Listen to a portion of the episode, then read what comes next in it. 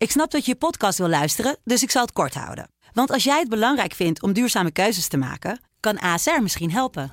Nou hoor ik je denken, hoe dan? Nou, bijvoorbeeld bij het duurzaam herstellen van schade. Of de premies die we beleggen volgens ons duurzaam beleggingsbeleid. Dat bepaalt waar we wel en juist niet in investeren. Wil je meer weten over welke duurzame keuzes ASR maakt? Ga dan naar asr.nl/slash duurzame keuzes. ASR doet het. Zo, dan kan je nu lekker naar je podcast luisteren.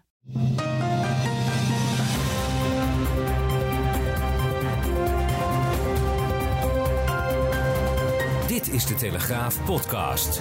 Het land van Wierduk met Kamran Oela. Donderdag 9 april 2020. Het land van Wiert Duk. We zijn er ook deze week gewoon weer. En zoals u het inmiddels van ons gewend bent, op afstand. Ik hier in de studio en Wiert thuis. Wiert, goeiedag.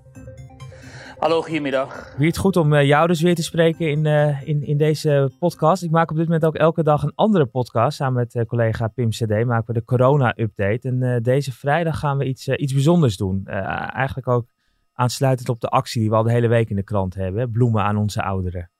Ja. Uh, de Goede Vrijdag podcast wordt dat. Ja, precies. De Goede Vrijdag ja. podcast. En daadwerkelijk ook op, op Goede Vrijdag. Uh, en daarom wil ik ook alle luisteraars van deze podcast die wij elke week maken oproepen om een audioboodschap naar ons te, te sturen. dat kan worden gemaild naar podcast.telegraaf.nl. Ehm, en een, een boodschap aan een eenzame oudere of aan alle ouderen die op dit moment zo ontzettend weinig bezoek ontvangen. Dus dat zouden we onwijs leuk vinden als we dat zouden krijgen van, van mensen. Ja, leuk. Heel mooi idee. Ja, en ze kunnen trouwens ook appen. gewoon een audiofragment. 06 13650952. 06 13650952 sowieso goed om dat nummer op te slaan, hoor, want dat is de tiplijn van de Telegraaf. Dus dan kunt u altijd ook even een tip sturen. Uh, en Wiert, uh, spreek jij morgen ook iets in, speciaal uh, voor de Goede Vrijdag podcast? nou ja, ik spreek natuurlijk al heel veel ouderen voor, voor, mijn, voor mijn stukken. Maar ik ga wel even wat andere mensen vragen om wat in te spreken. Kijk, helemaal, helemaal goed. We, we, gaan weer proberen een mooie podcast van ruim een half uur op te nemen. We kregen al veel commentaar op Twitter, waar, ik, had, waar we hadden gevraagd om vragen en onderwerpen door te sturen. Niet te lang bij corona stil te staan, maar we ja. zullen dat toch wel even moeten doen. Vrees ik. Dat mij ook. En, uh, en daarna gaan we ook gewoon wat vragen beantwoorden, toch? Die, die, die gesteld zijn. Ja. Ehm, laten we eerst even inderdaad met, met corona beginnen. Misschien wel even beginnen met je wekelijkse rubriek in Nederland. Ehm, want daar heb je aandacht besteed aan een onderwerp waar wij het vorige week eigenlijk ook al even over hadden. Hè? Ja, precies. Dat ging, die, die rubriek die gaat dus deze week over uh, oudere mensen, zeg maar zo, hè, vanaf nou ja, 60, 65. Die zeggen, joh, als ik met corona besmet raak en het wordt echt heel ernstig, dan hoef ik niet op die IC. Uh, ten eerste heb ik uh, gewoon geen zin in. Ik heb een mooi leven gehad en ik heb geen zin om in dat soort mensonwaardige omstandigheden te komen te verkeren. Uh, en bovendien is ook een aantal mensen dat zegt tegen mij in dat stuk van ja, ik, wil ook, ik heb ook geen zin om artsen in een situatie te brengen waarin ze moeten kiezen tussen mij en bijvoorbeeld een moeder van 40, 45 met drie kinderen, die eventueel ook op die IC komt te liggen en wie, wie plek ik dan zou innemen. Dus ja, dat is natuurlijk een heel uh, erend, uh, eervolle um, uh, positie. maar eerlijk gezegd, ik begrijp die mensen ook wel. Als je ziet um, hè, toch hoe, hoe indringend en zwaar het verblijf op die IC's kan zijn. En hoe mensen er afkomen, um, althans de verhalen daarover, dan kan ik me voorstellen dat je, als je wanneer je 70, 80 bent, zegt: um, laat dat maar zitten, dan uh, stel ik mijn plek wel uh, ter beschikking. Dus het zijn best indrukwekkende verhalen die je dan hoort, ook van een meneer die zijn leven lang in de baggerindustrie heeft gewerkt en nou, heel gelovig is. Daarnaast heeft hij theologie gestudeerd en nu is hij na zijn pensioen is voorganger in de Lutherse kerk. En die zegt, ja joh, ik heb mijn hele leven geleefd vanuit het vertrouwen dat het wel goed komt. En waarom zou ik dan in die laatste stap geen vertrouwen hebben? En dat zegt hij ook als ervaringsdeskundige, want hij vertelde, hij heeft een, um, dit echtpaar heeft een kindje gehad, een zoontje dat zware hartproblemen uh, had. Mm -hmm. En uh, die kwam te overlijden en ja, daar moesten ze dus ook doorheen. Um, En daar heeft hij, nou ja, had hij ook een mooi verhaal bij, dat de mensen kunnen lezen. En ja, dan, hè, die mensen die leven dan vanuit hun geloof. En die vertrouwen erop dat het uiteindelijk wel goed komt als ze geveld zouden worden door, dat, door dat virus. Ja. Dan een mooi verhaal vandaag dus in de Telegraaf en ook uitgebreid op onze website. En ik kan me dan voorstellen, Wiert, als je, dat, als je dit soort verhalen maakt, ook op afstand, hè, telefonisch, zoals je dat vorige keer ook beschreef, dat je dan onwijs ergert aan allerlei berichten van mensen die zeggen, ach dat corona, het is allemaal fake nieuws en de, de ziekenhuizen liggen helemaal leeg. Dit, dit, dit klopt helemaal niet.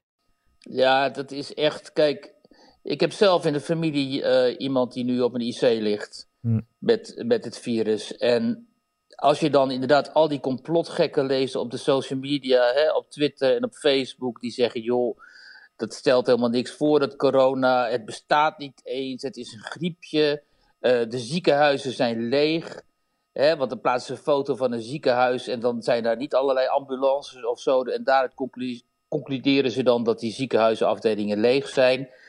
Ook mensen die zeggen, dit komt Bill Gates goed uit, want die heeft een of ander vaccinatieprogramma dat hij ons wordt opdringen. Dus allerlei echt gestoorde types hè, van uh, complotdenkers die denken dat de een of andere zionistische wereldregering uh, dit heeft geïnitieerd, tot antifaxers, tot uh, mensen die denken dat uh, wij bewust in een soort Orwell-achtige situatie terecht moeten komen opdat de burgers zullen zwijgen en de elites hun gang kunnen gaan.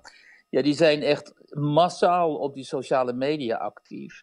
En dat hindert enorm. Ten eerste is het dus gewoon fake nieuws. En ten tweede hindert het ook het debat over wat wel degelijk aan de gang is. Dat wij nu namelijk in rap tempo allerlei burgerrechten aan het inleveren zijn om maar dat virus te kunnen bestrijden. Hè? Zoals nu met die app die eraan zit te komen en zo. Er zijn allerlei kanttekeningen te plaatsen bij de situatie waarin wij zitten. We zitten vrijwillig in een lockdown.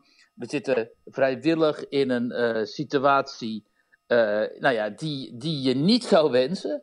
Um, en die ook heel ongewenst is. En dat weten onze uh, leiders, zeg maar. Die weten dat natuurlijk ook heel goed. Dat hoor je Rutte ook zeggen en anderen. Die weten heel goed dat dit ook een aanslag is op de democratische rechtsstaat natuurlijk. Alleen, gezien de ernst en gezien het gevaar van dit virus, is dit nu even zo en kan het waarschijnlijk niet anders. Wat niet wegneemt dat we hier voortdurend kritisch op moeten blijven, voortdurend over moeten blijven discussiëren en praten, omdat dit het wezen van onze rechtsstaat inderdaad op dit moment enorm aantast. Alleen dat virus, dames en heren, is nog een stuk dodelijker. Dus je zult alles in het werk moeten stellen om het te bevechten. En dan is het ontzettend ergerlijk en hinderlijk als al die mensen uh, met hun idiote uh, complottheorieën naar buiten treden en uh, mensen, analisten, virologen, deskundigen, nou ja, mensen die hier echt mee bezig zijn, ook journalisten die hier ook al weken mee bezig zijn en zich proberen te verdiepen in dit onderwerp,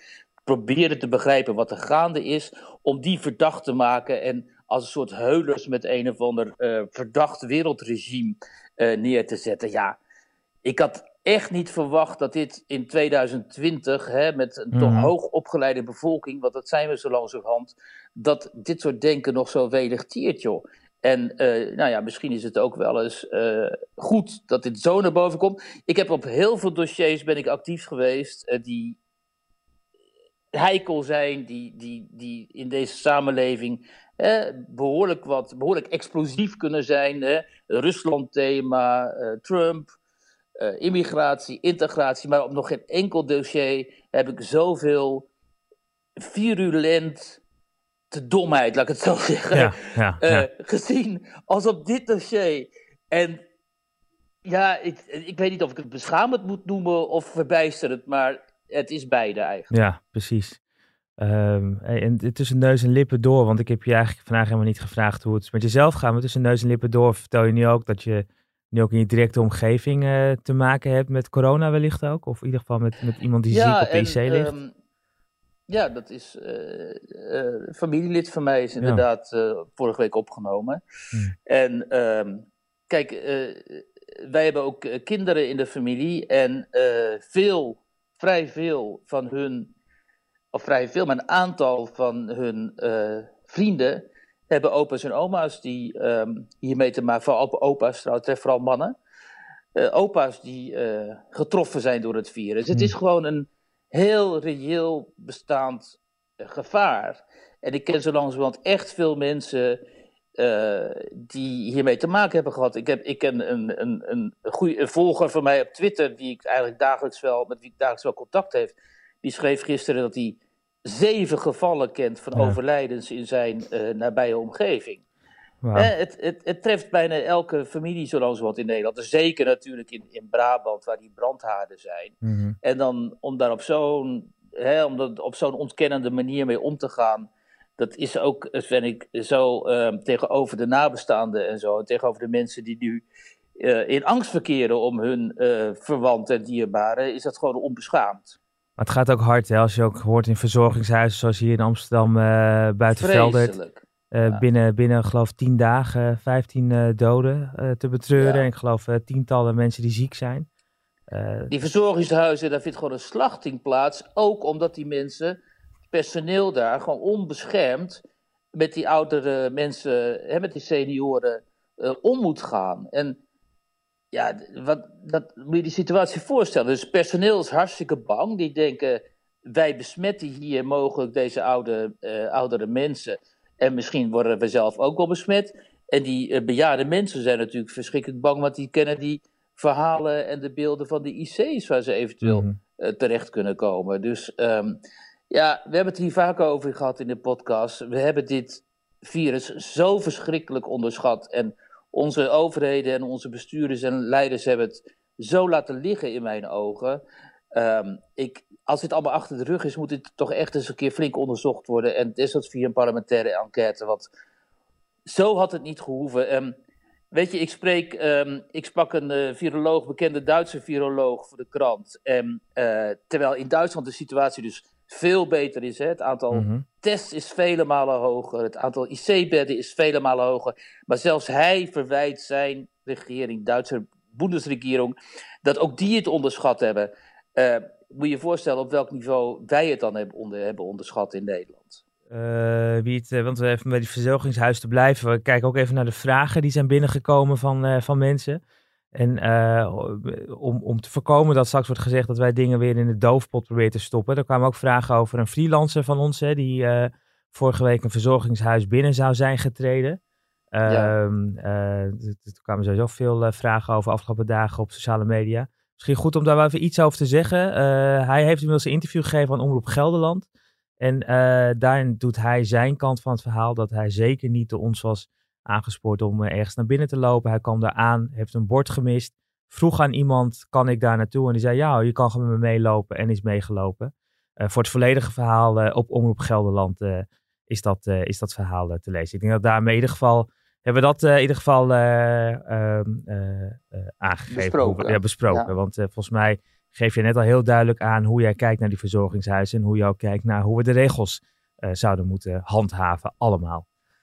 Ja, kijk, als journalist maak je natuurlijk altijd kenbaar als journalist. Hè? Als je ergens bent en gaat met mensen praten, dan zeg je op een gegeven moment van... Uh, ik ben journalist en mag ik jouw informatie gebruiken en mag ik uh, de informatie die u mij geeft, mag ik daar iets mee doen. Dus ja, dat is gewoon erecode en ja. dat, dat zijn het, zo treed je op. Ja, een aantal andere onderwerpen. Je had het net ook al even over die app. Misschien toch nog e heel even daarop door te gaan. want je geeft aan, we zullen wel een aantal vrijheden moeten inleveren op dit moment. Um, om dit virus in ieder geval uh, op een of andere manier uh, zoveel mogelijk tegen te houden, in te dammen, zoals het dan uh, wordt, wordt genoemd. Ja. Maar er zijn toch veel mensen die inderdaad vragen, Miranda en de anderen, van ja, hoe, kijk, hoe kijken jullie naar die, naar die app? Nou ja, kijk, ik vind zo langzamerhand moeten we inderdaad accepteren dat dit soort zaken even nodig zijn om die economie weer op gang te helpen en naar buiten te kunnen en gewoon weer een min of meer normaal leven te kunnen leiden. Want zoals dit nu gaat, dit kan natuurlijk niet. Um, hè, misschien dat een aantal mensen het wel fijn vindt om af en toe op balkon in de zon te zitten, maar onze economie gaat in rap tempo gewoon echt naar de galamiezen. En niet alleen die van ons, wereldwijd. En je moet alles in het werk stellen, daar ben ik nu ook bezig uh, voor de krant om te kijken wat voor scenario's het zou kunnen zijn, om delen van die economie, misschien regio's, misschien delen van de bevolking, hè, de jongere bevolking, om die weer uh, gewoon aan, de, aan het werk te krijgen, zodat er weer geld wordt verdiend, ook om die ziekenhuizen te kunnen betalen en, en die fantastische gezondheidszorg van ons, hè, die de afgelopen jaren een stuk minder is geworden, maar die altijd op hoog niveau stond, om die te kunnen bekostigen. Ik bedoel, geld komt niet uit de lucht vallen en je kunt geld ook niet zomaar bijdrukken. Het groeit ook niet aan de bomen. Dus er zal iets moeten gebeuren. Nou, het weekend, in het weekend hadden we al dat interview met George Kelder, hè, die dit had, had aangestipt. Ja. En die, die, ook zei van ja, hoor eens, het gaat mij er niet om dat ik wil dat 80 jaar, mensen van 80 en de ouder massaal komen te sterven. Die moeten we juist beschermen. Maar we kunnen ze alleen maar beschermen als we hen isoleren en als we ook weer de rest van de mensen die het zich wel kunnen veroorloven, misschien op basis van leeftijd, op basis van risico, uh, kansberekening, misschien op basis van immuniteit al, uh, dat die weer aan het werk gaan. Nou, dan, heb je testen nodig, je moet mensen testen, je moet kijken, zijn mensen al immuun, hebben ze het virus al gehad? Um, al die zaken die moeten in zo'n rap tempo nu uh, worden opgestart. En als zo'n app daarbij kan helpen, nou, graag. Ik ga graag met zo'n app naar de winkel en dan zie ik wie er, uh, hè, wie, wie er uh, ziek is of wie besmet is. Dan weet ik in ieder geval waar het gevaar vandaan komt. Want nogmaals, ik heb in oorlogsgebieden rondgelopen uh, in het verleden en ik voel me nu minder veilig dan destijds. Omdat je in zo'n oorlogsgebied weet je waar het gevaar vandaan komt. je weet ook dat je daar eventueel weer uitkomt, kunt.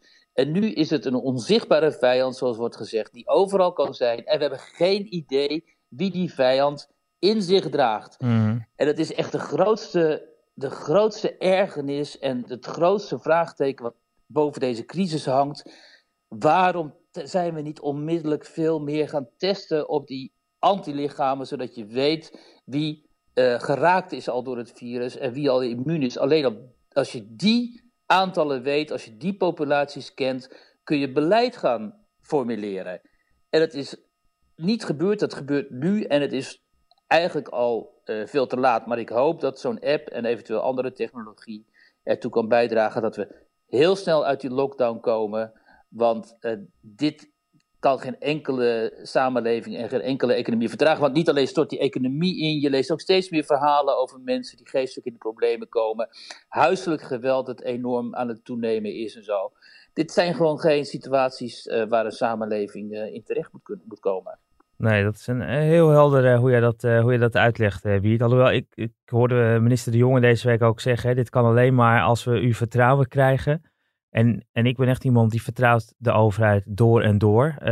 ondanks dat ik ook zwaar liberaal ben, om het zo uit te drukken. ja, maar als er iets is waar ik de overheid niet op vertrouw, is het wel ICT. nou ja, dat is het probleem dus. Dat is wel een probleem, ook omdat ze uit die, uit die gesprekken daarover, ook van eh, gezagsdragers, en, dan kreeg je de indruk dat ze ook zelf niet helemaal die technologie snappen.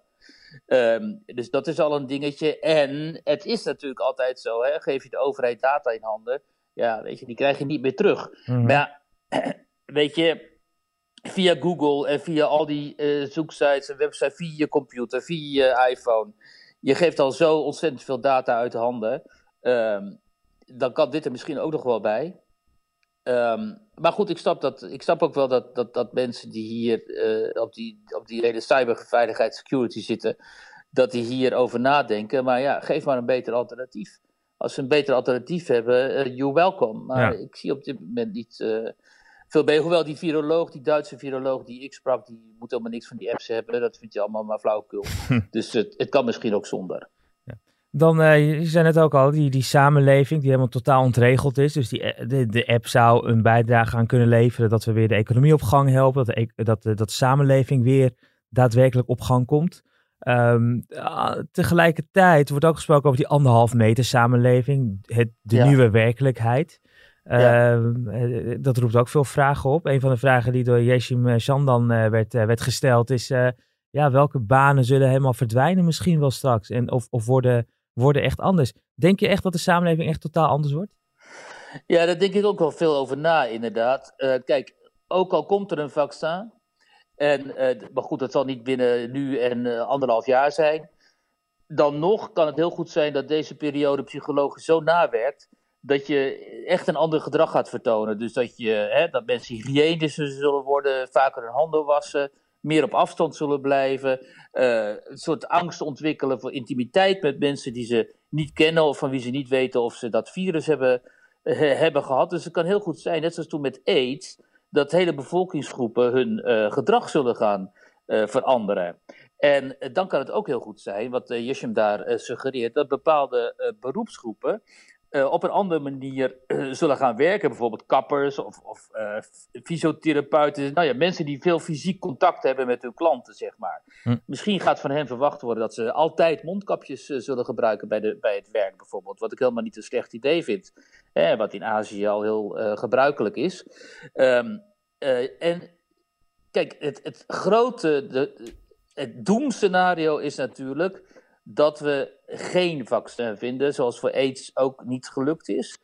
Uh, en dat we dus die anderhalve meter samenleving, in een soort, dat het een soort permanente situatie wordt.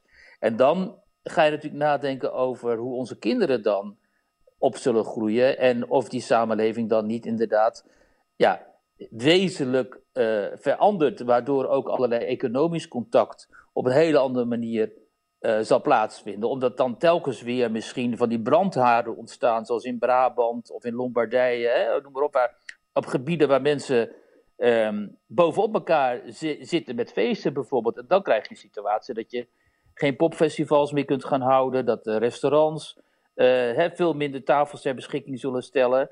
Uh, dat je op terrassen verder van elkaar af moet zitten, zodat dat die kantoortuinen ja, dat, dat kan dan eigenlijk ook niet meer. Vliegtuigen zullen, hè, de stoelen veel verder uit elkaar moeten staan en zo. Die situatie, dat scenario is niet ondenkbaar. Dat zeggen virologen ook. Het kan. kan zijn dat dit dan de big one is, zoals het heet. Ja, dan komen we echt in een andere wereld terecht. Um, uh, maar goed, dat weten we dus pas op het moment dat, um, op het moment dat toegegeven zal moeten worden dat er geen vaccin denkbaar is of dat dit virus zo snel muteert dat het op een heel andere manier telkens weer terugkomt. Ja. Um, als we dan weer uh, wat massaler de straat op gaan, um, dan is het ook de vraag hoe, uh, hoe lopen we erbij? Uh, ik, ik, ik, ik was even vanmiddag in, in Amsterdam, want daar woon ik normaal gesproken. maar ik ben aan het verbouwen. En wat me zo ontzettend opviel is hoeveel mensen met een mondkapje oplopen. en zelfs mensen met skibrillen. Ja. Um, wat ik ook wel een heel raar, heel raar en, en ergens ook onwijs overdreven gezicht vind. Maar misschien zit ik wel compleet naast. Maar, maar het kan via je ogen binnendringen, het virus. Zeker, zeker. Maar ja, dan, en ik zag ook mensen met handschoenen rond, uh, rondlopen terwijl het 22 graden is. Maar in ieder geval, het brengt me bij die mondkapjes. Want daar stellen ook veel mensen vragen over. Marianne Zwageman, uh, die, die heeft die vraag me ook een paar keer opgeworpen. Uh, tekort aan, maar, maar moeten we niet ook een mondkapje gaan dragen, zoals Oostenrijk? Ja, in tegenstelling tot wat het, het RIVM zegt eigenlijk, als je twee meter afstand houdt, is een mondkapje niet nodig. Maar alle virologen, internationale virologen die ik, die ik lees en die ik ook spreek zelfs, die zeggen, doe het maar wel. Want het A, het is helemaal niet gezegd dat je die afstand van twee meter zult aanhouden. Dat kan in sommige situaties ook niet. Bovendien is het gewoon beter ten opzichte van anderen. Omdat als jij besmet bent, en daar gaat het vooral om, dan spuug je in elk geval dat virus niet in het gezicht van mensen om je heen. Dus dat, dat komt dan in het kapje terecht. Mhm. En daarbij bescherm je anderen. Dus je doet in eerste instantie bescherm je anderen via dat mondkapje.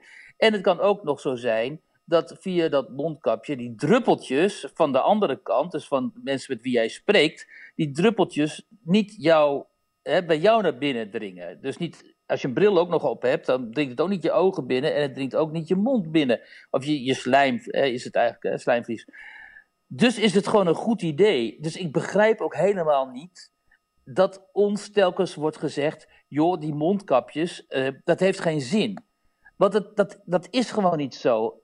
Alle vooraanstaande virologen die hierop uh, op, op checkt en die je leest, die zeggen: het heeft wel degelijk zin en het is niet voor niks zo dat mensen in, in Azië massaal met die, met die dingen lopen. En je zult zien, je zult zien over een paar weken, als er genoeg mondkapjes in Nederland zijn, dan uh, gaat er gezegd worden, ja, doe toch maar wel, doe dan maar preventief.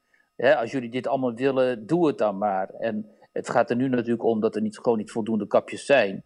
En dat die kapjes die er zijn, dat die gewoon naar de gezondheidszorg uh, moeten gaan. Wat ook geheel terecht is, uiteraard. Hè? Dat is volledig terecht. En, maar het is natuurlijk weer een, een wake-up call dat wij niet voldoende van die mondkapjes hadden. Hmm. En dat we ze van elders moeten halen. En zoals eigenlijk dit, dit, dit hele, deze hele epidemie, de, deze hele tragedie eigenlijk een wake-up call is in heel veel opzichten. Hè? Ook over het belang van de gezondheidszorg.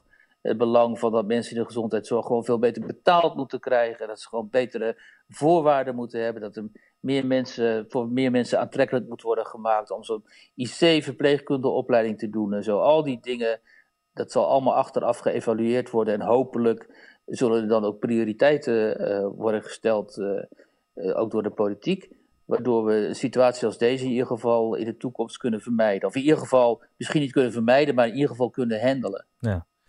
Uh, dan nog uh, twee andere vragen die zijn binnengekomen. Maar eerst misschien nog de, de, vraag die, is, die, die, velen zich ook stellen over, over Italië. want ik hoor ook weer wat kritiek op het kabinet, op instanties. Maar Wopke Hoekstra lijkt deze week toch wel echt zijn poot stijf te houden. Ja, dat is natuurlijk een hele nare kwestie dat de Italianen, de zuidelijke landen, eigenlijk deze gezondheidscrisis zo misbruiken om het noorden te chanteren om gewoon maar gratis geld uh, te leveren. Daar komt het op neer. Uh, want um, zij zeggen, ja, wij verkeren nu in een extreme situatie. We hebben het zo moeilijk door al die, door uh, corona. En jullie zijn eigenlijk moreel verplicht om, ons dat, dat geld te geven. Um, en dat zijn we natuurlijk niet. Het, komt erop, het is gewoon zo dat die zuidelijke landen hun begroting niet op orde hebben. En, uh, en wij wel. En, uh, en, dat hadden zij in het verleden dus gewoon beter moeten doen. Bovendien, Noord-Italië, dat is schatrijk. Jort Kelder die vertelde mij dat um, het gemiddelde vermogen van Italianen daar in de regio vele malen hoger ligt dan dat in Nederland. Alleen de staat is arm. De Italiaanse staat is arm. Ja, dat krijg je als je hè, gewoon slechte belastingmoraal en zo, noem maar op. En hoe kun je het dan aan de gemiddelde Nederlandse ondernemer, die weet ik veel hoeveel procent uh, van zijn uh, omzet uh, afdraagt aan belastingen, vragen dat hij even voor de Italiaanse en Spaanse schulden gaat, gaat opdraven? Dat is een heel slecht idee. En dan zeggen anderen, anderen die zeggen dan weer: ja, maar wij hebben Italië zo in de steek gelaten met die vluchtelingencrisis. Um, zij moesten al die immigranten daar opvangen. En wij willen daar niks van hebben. Dat is ook zo, maar die, die twee dingen kun je niet tegen elkaar afstrepen.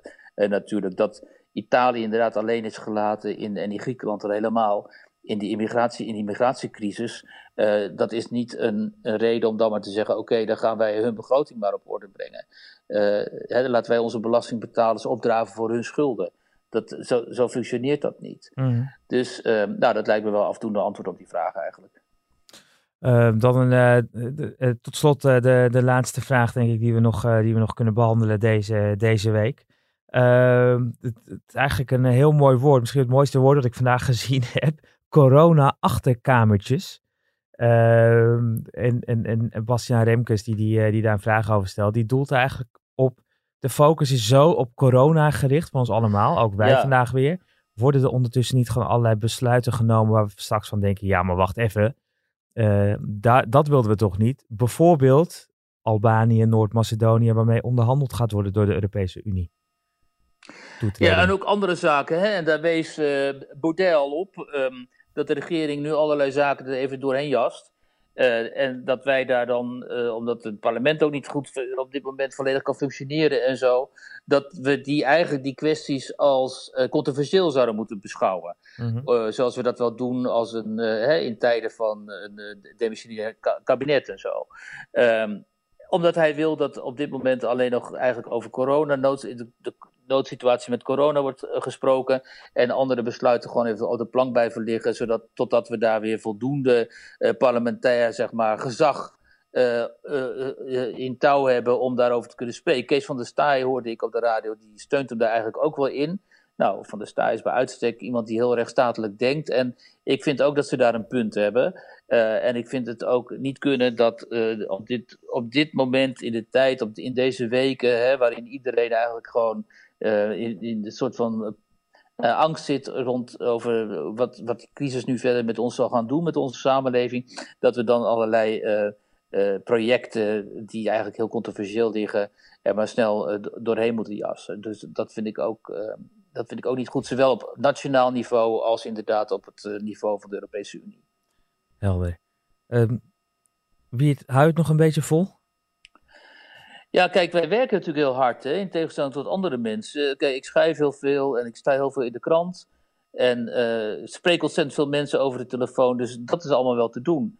Uh, dus wij zitten in een soort uh, werkflow. Ja. maar ik kan me voorstellen dat andere mensen die thuis zitten en gewoon niet kunnen werken, en die hebben alle series op internet en Netflix gezien, ja, dat die echt hier helemaal gek van worden. Want hoe dan ook is het nou natuurlijk een hele claustrofobische ervaring. Ook al kun je zoals ik en jij eh, nog gewoon aan het werk zijn. Ja, en uh, volgens mij moeten we vooral ook uh, ons aan de regels blijven houden. Hè?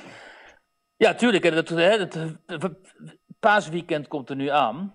Um, dus ik hoop dat, dat iedereen zich aan de regels houdt. Maar wat ik inmiddels observeer in de supermarkten, zo waar ik wel kom, en ook anders, dat, is dat het toch wel goed gaat hoor. Ik vind dat uh, vooral in de supermarkt, waar het in het begin best een zootje was, dat mensen nu veel beter afstand houden. Karretjes worden ook goed schoongemaakt en zo.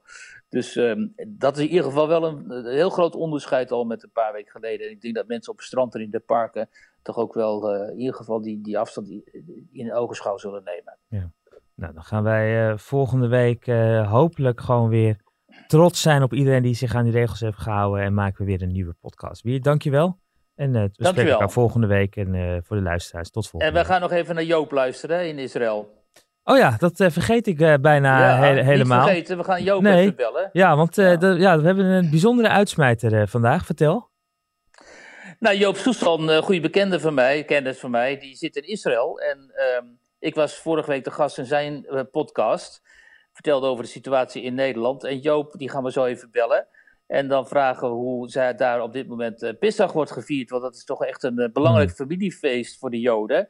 Nou, dat kan nu dus niet. En boven, vanwege de coronamaatregelen, die ik geloof daar strikter zijn dan in Nederland. Maar dat gaat Joop ons dus allemaal even vertellen. Ja, nee, dat, uh, dat komt inderdaad vandaag als, als speciale uitsmijter voor al onze trouwe luisteraars. Gisteren is het Pesachfeest ingegaan. Dat is acht dagen. En dat uh, gaat over, of herdenkt, laat ik het zo zeggen, de Exodus, de uittocht uit Egypte.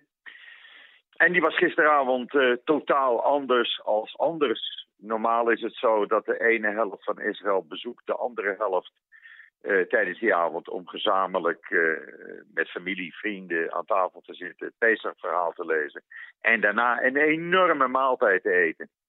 En dat, ja, dat ging gisteravond allemaal niet door. Dus wij kregen een avondklok. Ik had nooit kunnen bedenken dat ik nog een avondklok zou meemaken. En wij mochten het huis niet uit tussen drie uur s middags en zeven uur vanmorgen.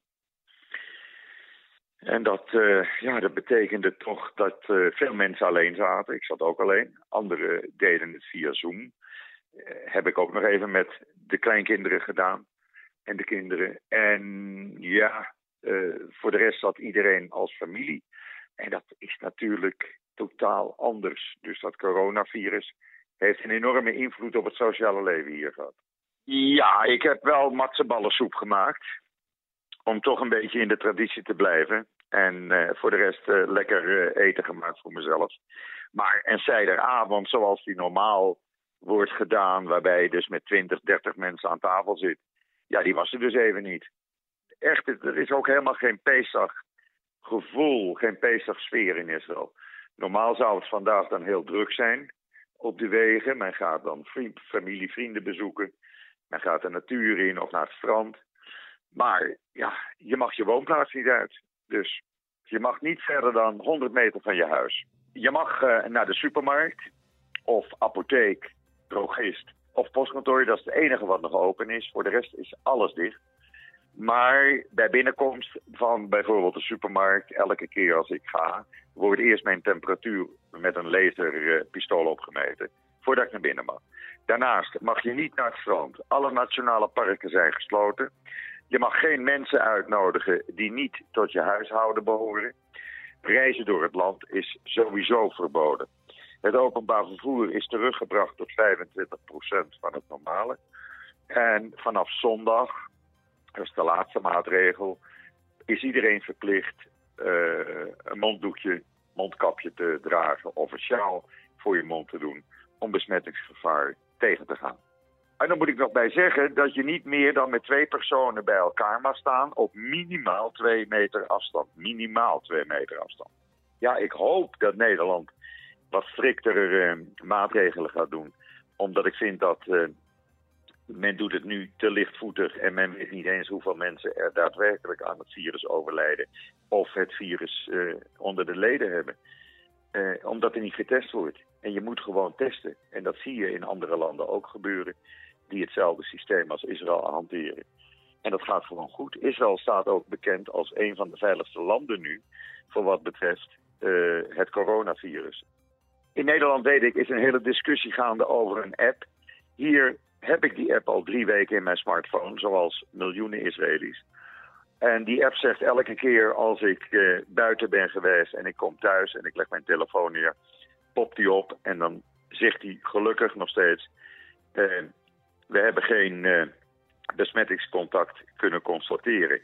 En dat, geeft je toch een gerust, uh, gerust gevoel.